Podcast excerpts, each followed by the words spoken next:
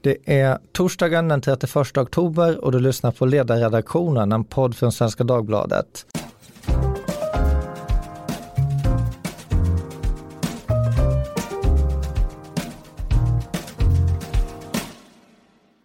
Jag heter Karl Sigfrid och idag ska vi prata om medborgarskapet och eh, medborgarskapets betydelse, framförallt det svenska då.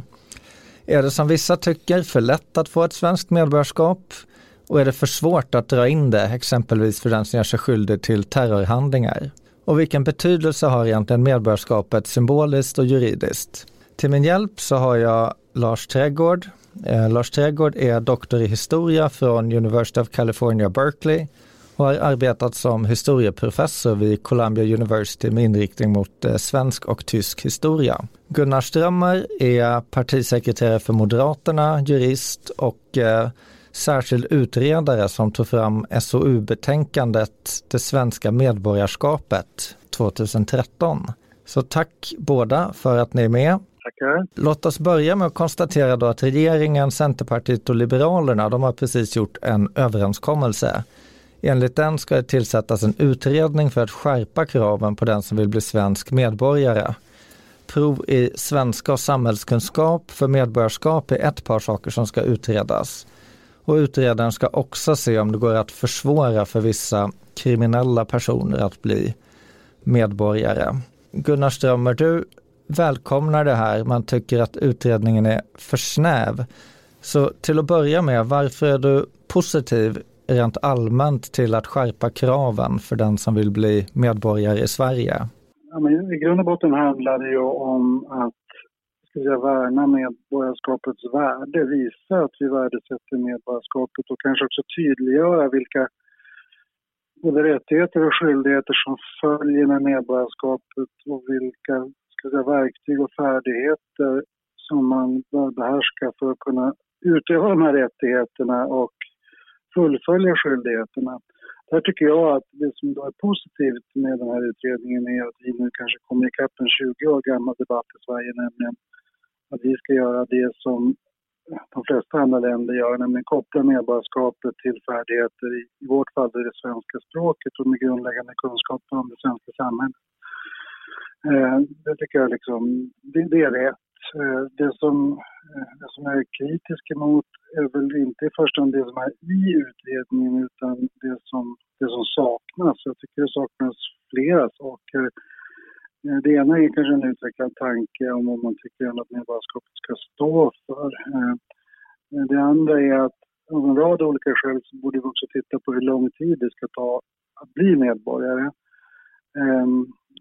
Parallellt med den här utredningen så pågår ju nu diskussioner om, om vilka regler som ska gälla när det gäller migrationen. Det vill säga att tillfälliga uppehållstillstånd ska bli huvudregel och sen ska man få ett permanent uppehållstillstånd. Eh, och den ordningen kommer innebära tidpunkten när man får ett permanent uppehållstillstånd och när man får ett medborgarskap kommer i praktiken att sammanfalla. Och det i sig talar för att vi borde, i likhet med länderna i vår omvärld, ha att det ska ta något längre tid att bli medborgare eh, än idag. Och sen slutligen då, eh, det som har varit en, en stor och het fråga, framförallt aktualiserad av eh, alla svenskar, svenska medborgare som åkte till Syrien för att kriga för IS. Det är ju frågan om om man, om man, om man så att säga, i något läge har agerat så illojalt mot ja, den svenska staten, mot det svenska samhället, mot de värden som medborgarskapet står för, att man också ska kunna bli av med sitt medborgarskap. Och den frågan väljer regeringen effektivt att så att säga stänga. Eh, utredningen har inte möjlighet att titta på grundlagsändringar som det står. Och det betyder i praktiken att den frågan inte är aktuell därför att skulle vi införa en sån möjlighet så måste vi göra justeringar i grundlagen. Om jag frågar dig Lars, delar du den här premissen att eh, värdet på medborgarskapet, att det finns ett samband mellan å ena sidan det värdet och å andra sidan vilka krav man ställer på de som vill bli medborgare i landet? Ja, alltså, för mig, alltså, jag skulle egentligen vilja bredda perspektivet. Alltså, jag, jag är lite bekymrad över när man här, har en diskussion kring medborgarskapet som i så hög grad blir kopplad till, eh, till invandringen. Alltså det är lite grann, man känner lite grann att man ibland vill använda eh, så att säga, mer, mer kravfyllda eh, så säga, anspråk vad det gäller vilka som får bli eh, medborgare i Sverige. Som, nästan som en slags eh, kontroll och bestraffning av, av människor som kommer hit. Eh, och jag tycker nog att Eh, i allmänhet så har vi ju undervärderat medborgarskapet under lång tid i Sverige. Eh, och, det är någonting som har så här, eh, skett egentligen både från höger och vänster i politiken. Man har liksom från höger kommit att liksom betona sånt som, som mänskliga rättigheter, öppna gränser, identitetspolitik och så vidare. Medan man från höger har så att säga, satt idéer om valfrihet i första rummet som båda tenderar att ha splittrande segregation segregerande tendenser i samhället.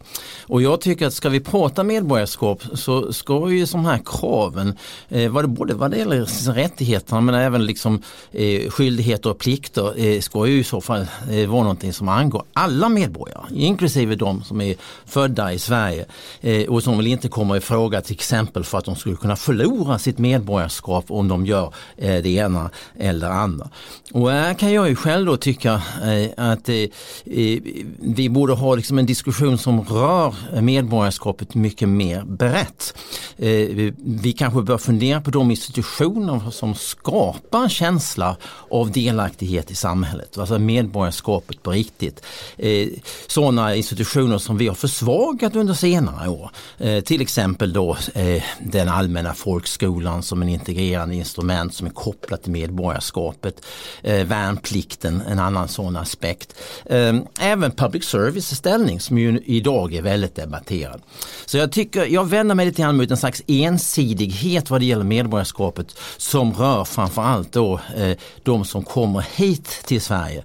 Eh, jag tycker vi ska prata om medborgarskapets betydelse i Sverige eh, som det är för alla som bor här. I den eh, offentliga utredning eh, som eh, du ansvarade för Gunnar Strömmer så då, då står det så här i i den utredningen att skillnaden i rättslig ställning mellan svenska medborgare och andra personer är numera förhållandevis få. Att rösträtten i riksdagsval är då en viktig skillnad. Är det, är det så att medborgarskapet eh, har blivit någonting som är mer symboliskt än någonting som eh, har praktisk betydelse för den i jämförelse med exempelvis då permanent uppehållstillstånd som ju är en annan eh, status man kan ha? Så här skulle jag säga att om man, om man talar tillgången till den svenska välfärdsstaten, om man uttrycker sig på det sättet, den får man ju i praktiken genom sitt uppehållstillstånd, inte genom medborgarskapet. Och man kan väl säga att det har funnits en, en, en tydlig trend sedan 70-talet och framåt. Där kan man säga att medborgarskapets betydelse i rättsligt hänseende har, har minskat. Samtidigt så finns det vissa saker som ändå fortfarande är exklusiva för medborgarskapet som har en stor både praktisk och symbolisk betydelse. Eh, att få rösta i, i, i riksdagsval är förstås en sån sak som du nämnde. Eh, en annan sak är att bara svenska medborgare kan bli domare, eh, eh militärer, eh, poliser. Alltså du kan säga att vissa särskilda förtroenderoller i samhället är fortfarande eh, jag är fortfarande eh, öronmärkta för, för medborgarna. Och sen förstås det svenska passet, alltså genom att bli medborgare så har du en ovillkorlig rätt att vara i Sverige och också en ovillkorlig rätt att komma in i Sverige om du har så att säga, vistats utomlands. Och det är klart att det har en eh, stor också praktisk betydelse. Um, om jag får bara koppla i det som Lars säger. Jag jag förstår den tanken och det, det håller jag med om att medborgarskapet är naturligtvis en större fråga än de krav vi ställer på människor som eh, inte är svenska medborgare men som vill bli det. Eh, och den diskussionen tycker jag är berättigad. Jag tycker också att det är en tid som ja, kännetecknas av liksom polarisering och, eh, eh och, eh, och institutioner som tidigare hållit ihop ett samhälle inte gör det på samma sätt och så vidare. Där är det absolut berättigat att tala om medborgarskap i en vidare mening. Eh, men det tycker jag inte så att säga eh, utesluter den andra diskussionen. För jag menar, redan idag så har vi ju krav eh, för att få bli svensk medborgare om du ska förvärva det i vuxen ålder till exempel. Eh, och, och, det är klart att det är berättigat och det gör ju alla länder, diskutera vilka de, de kraven ska vara. Vad jag tycker också är viktigt med det, det är ju att de som vill så att säga, framförallt använda medborgarskap för att exkludera människor från andra länder. Där kan man ju kräva en massa saker, att man ska kulturellt, religiöst underordna sig majoritetssamhället. Man kan tänka sig en massa olika krav som, som inte vore berättigade. Och genom att tydligt peka på vilka krav man tycker borde gälla, och då tycker jag exempelvis då att kunskaper i svenska språket och samhällskunskap, det är ganska lätt tycker jag att koppla ihop det med de rättigheter som följer, och för den delen skyldigheter som följer med medborgarskapet. Det tycker, tror jag också kan ha en positiv, positiv integrerande eh, verkan. Därför genom att peka på det så väljer vi också bort annat och annat som inte minst drivs av krafter i samhället som framförallt vill så att jag stänga ute och exkludera människor från andra länder. Språk och samhällskunskap, alltså skulle det kunna vara Eh, den typen av krav, om man ser det som att man bygger upp eh, en slags gemenskap kring det, att det skulle kunna fylla delvis samma funktion som det du nämnde, public service, värnplikt och så vidare, som du ser som eh, historiska faktorer som har bundit samman eh, människor med samma medborgarskap. Eh, ja, alltså jag, jag, tror att de här institutionerna är oerhört viktiga.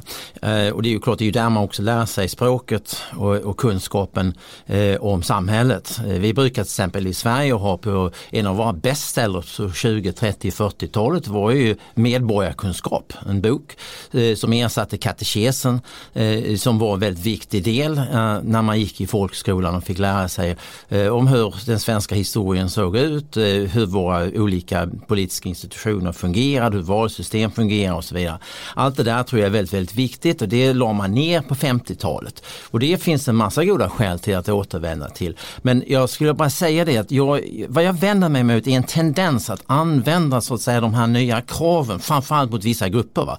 Alltså jag är ganska övertygad om att det finns ganska många unga svenskar som är, eh, så att säga, har bristfällig kunskap va? och som skulle behöva lika mycket va, av detta. Och jag tycker vi ska liksom försöka generalisera det snarare liksom än att eh, har det gälla en viss grupp. Eh, jag till exempel var ju själv, eh, levde i USA i 40 år och där har du inte några sådana eh, krav på att du ska prata engelska till exempel. Utan tanken är liksom att man integrerar sig i samhället framförallt på mer frivillig basis va? genom att skaffa sig ett jobb, utbilda sig och så vidare. Jag tror liksom att vi ska ha mer fokus i så fall på, på vilka premisser vi har för invandringen från början. Se till att kopplingen mellan invandring och arbete arbetsmarknad till exempel ligger i fokus. Eh, så jag, jag är lite skeptisk till, till att sätta, sätta kraven på det här sättet. Att vi ska testa folk vad det gäller eh, kunskap i svenska och samhällskunskap. För jag anar att en hel del svenskar som redan finns här också skulle ha problem i så fall om de skulle utsättas för den här typen av tester. Eh, så jag är lite skeptisk där. Jag, jag, jag ska se ett helhetsgrepp.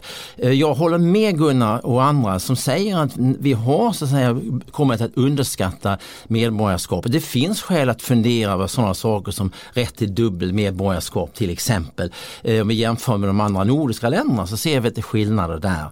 Eh, jag tycker det finns alla skäl att fundera på eh, att medborgarskapet ska faktiskt betyda att, att man faktiskt är, har gjort ett val. Det är, man vill ha svenskt medborgarskap, det betyder att man ställer upp och vill försvara landet, ställa upp för landet, ha, ha liksom en tydlighet kring relationen mellan plikter och rättigheter.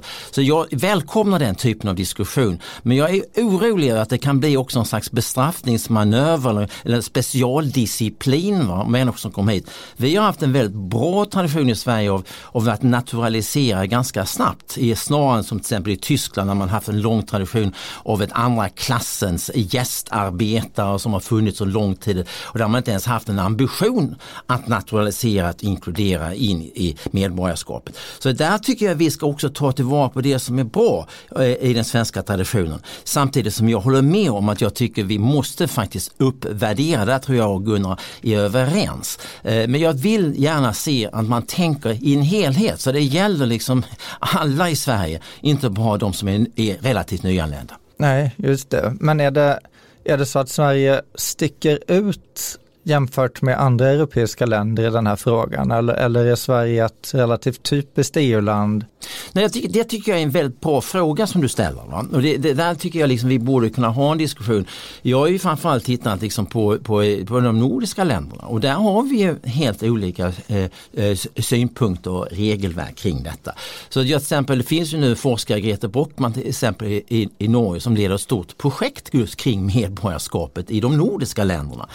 Och där är ju Sverige intar en extrem position i den bemärkelsen att vi liksom har, och lite grann som det som Gunnar är inne på, va? vi har liksom lite grann låtit det bli en slags, eh, ja, någon, någon, någon liksom frivillig förening som man kan liksom ingå men det spelar inte så stor roll utan mycket av det som är viktigt får man ändå bara att man liksom har uppehållstillstånd. Medan man då i Norge och Danmark har, har en lite strängare syn, lite mer kravfylld syn på detta. Så jag tycker den diskussionen är viktig. Eh, Eh, och jag aha, hänger ihop med också liksom vår syn på nationalstaten, va? vår ängslighet va? kring det här med liksom, eh, nationalism och, och liknande. Och, och, där tror jag liksom vi har en diskussion som är lite bredare och det här skulle må bra av att infogas i det så det inte bara liksom blir en, en, en politik som rör så att säga, disciplineringen av, av de, de som kommer hit och ansöker om medborgarskap som redan har uppehållstillstånd. Nej, men, men Gunnar, i, eh, i eh, ditt parti så eh, förs det en diskussion nu om det här med att kvalificera sig för olika typer av eh, välfärdsrättigheter. Eh, är det en diskussion som du skulle kunna koppla samman med det här eller ser du det som eh, två separata saker? Om man, om, eller om jag ska ställa frågan ännu mer specifikt. Eh, kan du tänka dig att se medborgarskapet, att det blir ett paket som hänger samman med olika typer av ekonomiska rättigheter på ett sätt som det inte är idag? Vi har, vi har, när vi diskuterade de här frågorna på en partistämma för ett par år sedan, då, då, då fattade partistämman beslut om att titta på en modell som finns i olika länder, bland annat Danmark men även andra länder, där man man ska ha nått en, någon, någon slags grad av självförsörjning för att komma i fråga för ett medborgarskap. Eh, invändning mot det resonemanget, om man nu ska tala i med traditionella vänstertermer, det är att medborgarrätt ska inte stavas pengar. Så att, ja, det är klart man måste hitta en balans däremellan. I grund och botten handlar medborgarskapet om, om någonting annat. Men vad, vad, vad diskussionen pekar på det är ju, och det är ju så att säga, medborgarskapet kommer ju på något sätt som kronan på verket på en resa som varar under ett antal år, om vi nu talar just om människor som kommer till Sverige, söker eh, uppehållstillstånd där, får det och sen inleder så att säga en resa i Sverige. Och det är klart att integrationsjobbet kan ju inte göras efter år fem eller år sex eller när man nu får sitt medborgarskap utan, eh, utan det måste ju börja mycket tidigare. Eh, och där, där håller jag med Lars om att det är klart att det som i grund och botten är avgörande för vad man blir delaktig i samhället, det är ju ja, hur snabbt man kommer i arbete, egen försörjning, hur, hur, väl barnen kommer in i skolan, alltså den typen av saker som också inträder mycket tidigare. Och där kan man väl säga att hela den här, och där kan man säga att hela, hela så att säga, kedjan, eller hela systemet från eh, ja, från ansökan om uppehållstillstånd till medborgarskap, det måste liksom finnas ett helhetstänk där. Och där, där, där man premierar eller uppmuntrar eh, eh rätt saker. Eh, och det är klart att om man... Därför tycker jag återigen kopplingen till språket är liksom naturligt därför att det vet alla att det är någonting man måste behärska, lära sig för att kunna etablera sig på arbetsmarknaden eh, till exempel. Men också att, att när vi har en så pass rigorös välfärdsstat som vi har i Sverige så eh, är det rimligt att tänka sig en slags gradvis kvalificering in i välfärdssystemen. Och det verkar ju logiskt att den man blir medborgare ska ha full access till de här välfärdssystemen. Det här problemet, eller vad man ska säga, den utmaningen finns ju inte på samma sätt i länder som USA exempelvis, som Lars nämnde, där ju välfärdssystemen är så att mer begränsade. Lars, jag läste en text av dig i Göteborgs-Posten där du skrev om en konflikt mellan två olika ideal i Sverige. Det var dels medborgarskapstanken och dels det du kallar för MR-idealismen, alltså eh, synen på att mänskliga rättigheter är någonting universellt. Eh, tycker du att man kan se den här eh, senaste tiden dis diskussionerna som förs om medborgarskapet och att höja medborgarskapets värde i ljuset av den konflikten? Ja, det tycker jag nog. Eh, och jag tycker att det här liksom, detta är faktiskt en rimlig diskussion, precis som Gunnar är inne på. Det här är ju hyperkänsligt. Va? Det gäller ju både liksom för så att säga, liberaler och, och eh, vänstermänniskor som liksom är, är, känsliga för de här frågorna.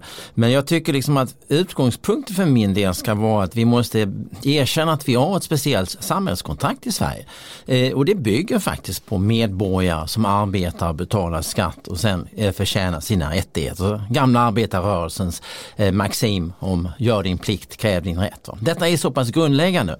Och jag menar där att, att vi, vi, vi är ett öppet samhälle. Eh, vi har en relativt låg grad av, av att identifiera nationell identitet med etnicitet. Betoningen ligger på lagbunden ordning, på språket och svensk kultur. Det ser vi tydligt i forskningen. Eh, och det där är en väldigt, någonting väldigt, väldigt positivt. Men samtidigt har vi en kravfyllighet. Eh, det skötsamma arbetet arbetets primat eh, ser vi väldigt tydligt också i de här undersökningarna.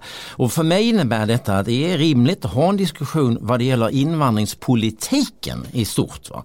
Där vi liksom säger att vi ska nog vara lite mer eh, så att säga, försiktiga med en alltför expansiv typ av eh, syn på invandringspolitik som är definierad i rent humanitära termer och gå tillbaks lite grann till den klassiska, ganska framgångsrika politiken som vi hade som var baserad på kopplingen mellan arbetsmarknad å ena sidan och invandring å andra.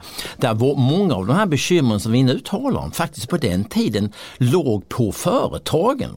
Det var, då, det var de som såg till att folk kom in i samhället. Det var de som också pröjsade för språkundervisningen. Fullt rimligt. Det finns ju ingen anledning att det liksom nödvändigtvis ska ligga på samhället utan detta är företag som, som gör investeringar i eh, arbetskraft.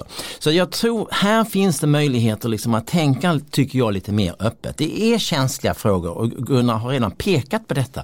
Och det får vi väl ta. Men jag tycker vi får ha liksom en debatt som har lite högt i tak kring de här frågorna. För detta är väldigt viktigt. Det är en slags ödesfråga för hur väl fungerande och hur väl sammanhållet det svenska samhället kommer att vara i sikt. Va?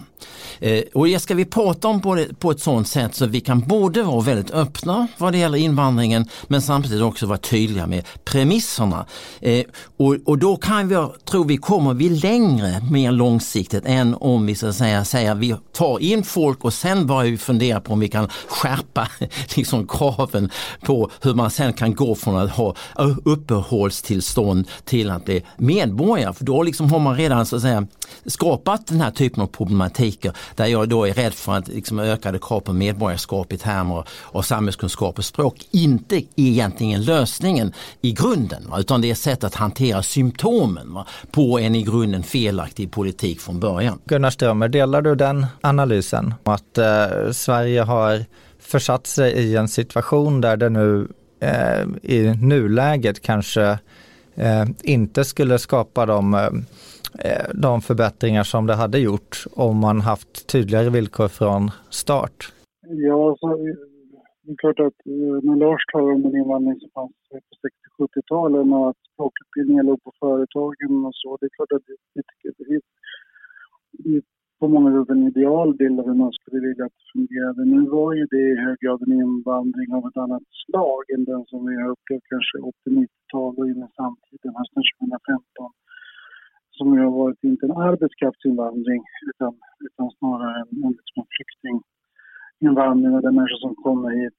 Det är klart att det är ett av våra stora eh, problem, det går inte att beskriva det på något annat sätt, eh, med hur många av de som har kommit på senare år är att utbildningsnivån är så låg att, att eh, och färdigheterna så begränsade att det krävs ett enormt samhälleligt åtagande för att men, de här människorna så att säga eh, eh, överhuvudtaget ska komma i en position att de kan få ett arbete och en egen försörjning.